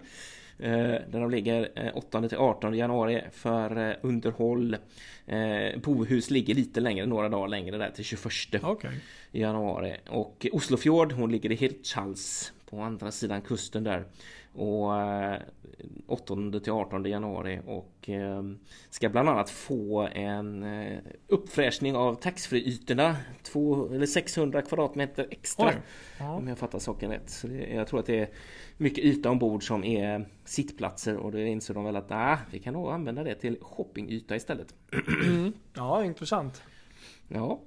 Så går vi söderut till Göteborg. Där har vi då, där är det faktiskt rätt spännande. Mm. Där har Stena Danica, vi har ju inte kvar Götaverken här. Just så nu får ju våra kära färjor ta och maka på sig när de ska gå på dock. Och då har Stena Danica gått söderut. Hon har gått till Landskrona. Där uh, ligger hon sen uh, nyår då till den 22. Jaha. Så det är rätt länge, ja. det är nästan en hel månad. Precis, det. Eh, och jag, vi har lite kontakt med, med, lite folk som jobbar ombord så jag har fått lite detaljer på vad man gör sådär. Mm. Och det är ju då, alltså det här är ju inte världens yngsta dam direkt, Stena Danica. Hon, eh, hon är, det blir väl en, det är en sån här 35-årsklassning mm. av henne. så eh, man ska gå igenom tankar och luckor, se till så att de är ship shape. Eh, mycket stålarbeten. På bildäck ska det bytas mycket stål. Eh, det var en del som skulle gjorts i Polen när de, när de var där sist men det, det hanns inte med. Så är det väl ofta att man inte riktigt hinner med allt man, man önskar sig kanske. Eh, bildäcken ska målas om. Eh, bogportar och ramper ska underhållas. De ska få en ny strålkastare.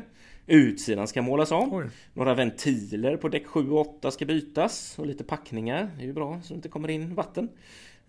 Mycket el ska dras om. Det är ju sånt som också som tiden nöter så att säga.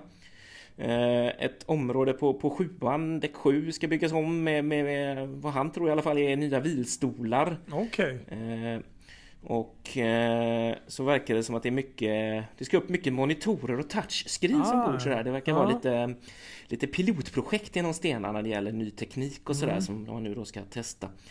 Så, så är det då det klassiska därför man går på dock egentligen också. Det är ju bottenmålning och nya anoder ska upp. Och, men, men det här är det häftigaste, det som, som ska göras eh, på akterdäck. Jaha. Man ska nämligen bygga ett stort glashus. Man ska glasa in delar av akterdäcket. Okej. Okay. Eh, som blir en helt ny grej då med, med, med en värmeanläggning och stora glasrutor då.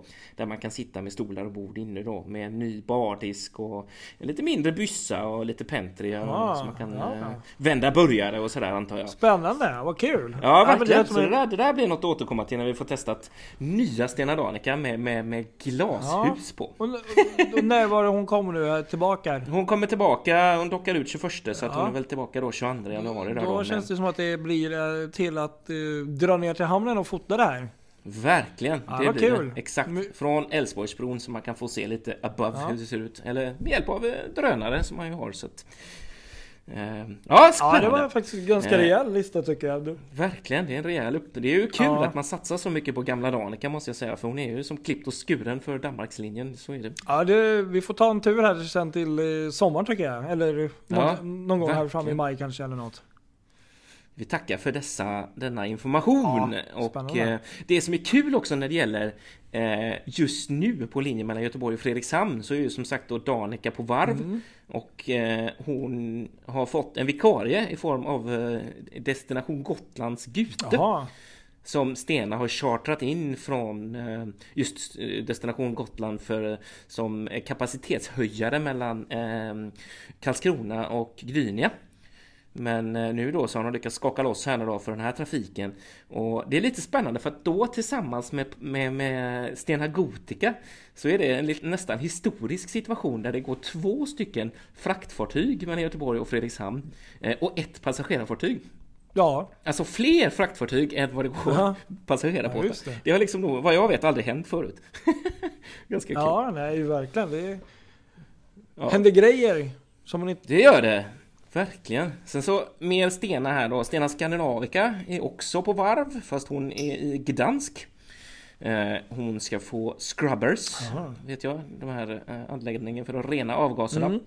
Hon ligger från 6 januari till 29 januari och har fått en annan vikarie, Caroline Russ, ett rorofartyg som tar hand om den rullande lasten mellan Göteborg och Kiel medan Skandinavica är borta.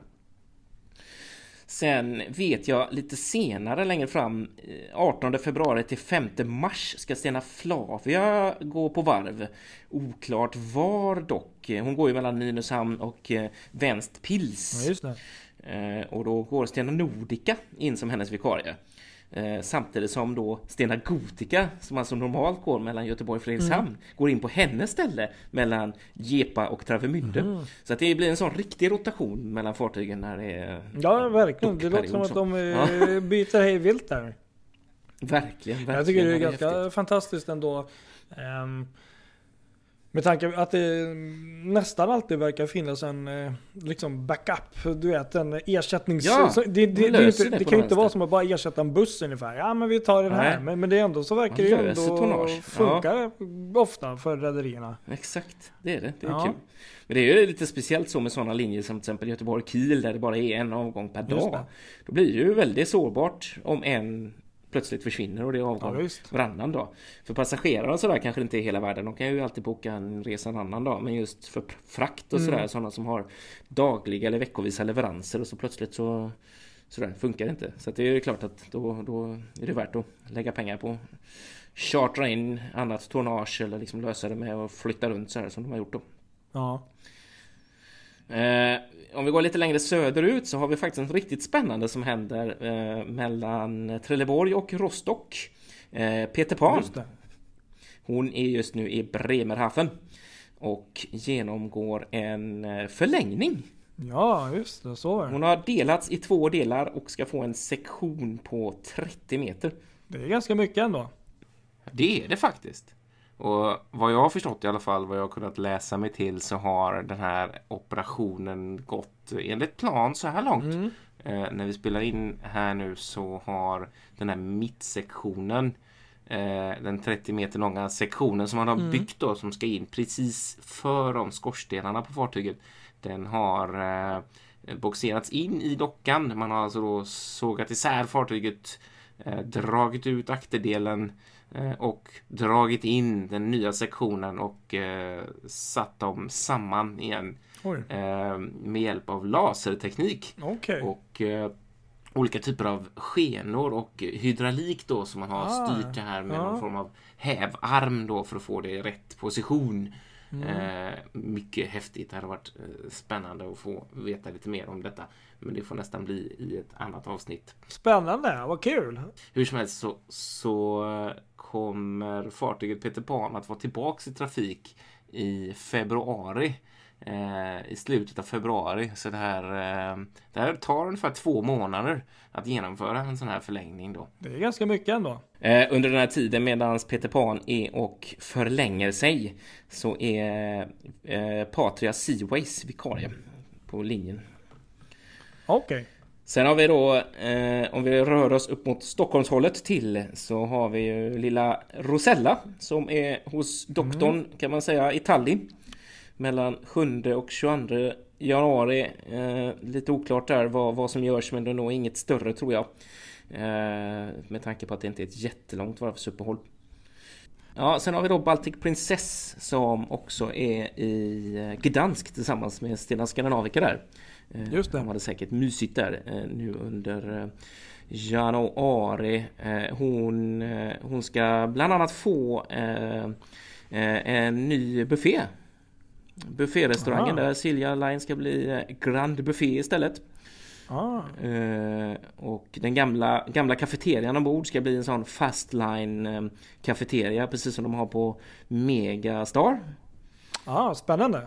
Ja, och sen så är det eh, förnyelse av leklandet där, Siljaland. Mm. Och även eh, Fashion Street, alltså själva shoppingområdet mm. där med de här lite, inte taxfree utan de andra butikerna, butikerna ska få sig ett ja. litet ansiktslyft. Liksom sen så ska de gå igenom eh, alla skyltar som finns, man tar sig, tar sig fram och evakueringsplaner och, och hiss, sådana skyltar. Det ska bytas ut så att det blir liksom mm. en ny style. Och så ska de sätta upp nya sådana här digitala digitala skyltar också, displays på något sätt då ombord som man kan eh, navigera sig efter. Det låter ju som en trevlig uppgradering. Ja, lite uppgradering där, precis. Ja, exakt. prova när någon kommer tillbaka. Så. Ja, exakt. Eh, vikarie då mellan Baltic Princess är i Gdansk mellan 9 till 22 januari. Det är Galaxy som eh, byter, eh, byter avgång helt enkelt och eh, kör, kör blir det, från morgonen istället från Stockholm då. Just det. På Viking Line-sidan så har vi Amorella som går på varv till Landskrona den 22 januari. Eh, precis efter det att eh, Viking Grace eh, varit på varv i, eh, i Nordendal. Mm. Eh, och eh, under den här tiden, både som Amorella och Viking Grace är på varv så ersätter Gabriella då, de här två. Precis. Klassiker. Och det är väl nu de ska installera de här nya masterna tror jag det var. Ja. Vind... Vind, Ja. precis. Exakt på Grace. Exakt. Precis. Så det blir ju spännande att se. Ja, det blir det verkligen. Kanske inte jättevackert men eh, effektivt och, Ja. och bra. Verkligen. Sen så har vi ju massa andra färger som inte kommer från Sverige som är i olika dockor runt om i Europa sådär som man kan hålla koll på. Eh, just nu tillsammans med Scandinavica och eh, Baltic Princess i Gdansk ligger nämligen Pride of eh, Rotterdam till exempel. Jaha, just det. Eh, som går mellan eh, Rotterdam och, eh, och England. Hull är det väl. Mm. Och så tillsammans ligger något av Brittany Ferries fartyg också. Och en sån här DC Ferries, du vet de som går borta i Kanada. De brukar faktiskt åka till, till. Polen av någon anledning.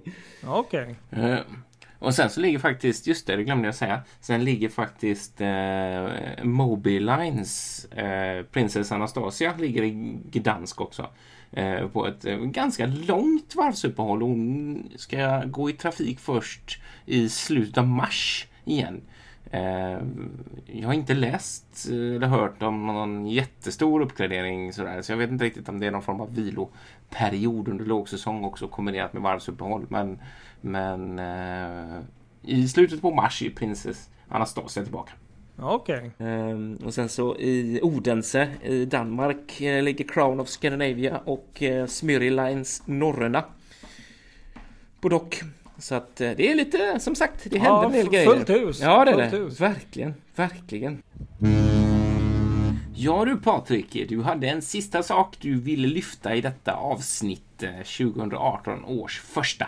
Jo, men så här är det. Det är kanske inte alla som vet om det, men eh, en del här i Stockholm i alla fall. Att eh, SL-kortet börjar nu gälla på Vaxholmsbåtarna ute i skärgården. Just det. Och det är ju ganska skönt istället för att behöva köpa egna biljetter så. Men då är det så att från och med 9 januari, så det här är bara några dagar gammalt, så kan du då som har antingen ett 90 dagars kort eller årskort eller då månadskort och 30 dagars kort kan då kliva ombord på Vaxholmsbåten och eh, åka på samma kort utan att behöva betala mer eller mindre. Och då åker du ja, Det är ju precis en som vanligt. fantastisk nyhet, verkligen. Och det, här, ja, och det här gör man då för att liksom man vill då höja alltså, turismen lite mer över hela året då. För att det, är- det är väldigt många stockholmare som liksom aldrig har varit ute i skärgården eller åker ut i skärgården. Så man vill liksom locka de här personerna lite mer. Sen har man ju också då pendelbåtar i Stockholm som fungerar bra då. Men då har man ju insett också att eh, vissa av de här skärgårdsbåtarna kan ju fungera som pendelbåtar då i och med att korten gäller. Så att eh, bland annat från Lidingö och Vaxholm in till Stockholm så att man täcker upp lite mer där. Eh, så Skitcoolt är, alltså. Ja, det är riktigt nice faktiskt. Så jag är riktigt sugen på att testa det här. Eh, dock så när man kommer in på sommarsäsongen så går Ja. man då över till det här eh, hedliga vanliga betalningssättet och, och Vaxholmsbolagets priser vad jag Såklart. förstår. De måste ju tjäna Men- pengar på något sätt. Ja, men, men under eh, lågsäsong då? Ja, exakt. Det är ju sommartid. man tänker våren Ja. och hösten och sådär. Det Det finns ju så mycket vackert att åka ut och Ja, titta det. på så att det där är något jag tycker att... Det eh, måste vi testa. Verkligen. Ja, Ja, det var väl vad vi hade att erbjuda i det tolfte avsnittet av Ja. Fartygspodden. Hoppas det var spännande. Det var en hel del listor där i början men, men som sagt det är Mycket mycket fartyg. var det. Så Ja, är det i ja. början av året. Ja.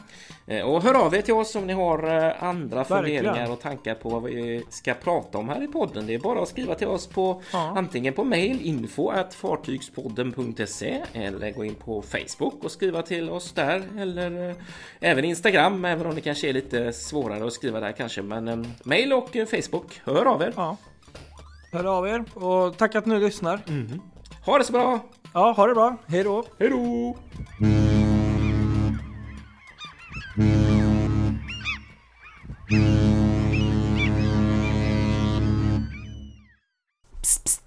Glöm inte bort att följa oss på Facebook. Sök på Fartygspodden. Samma sak på Instagram. Det är där det händer.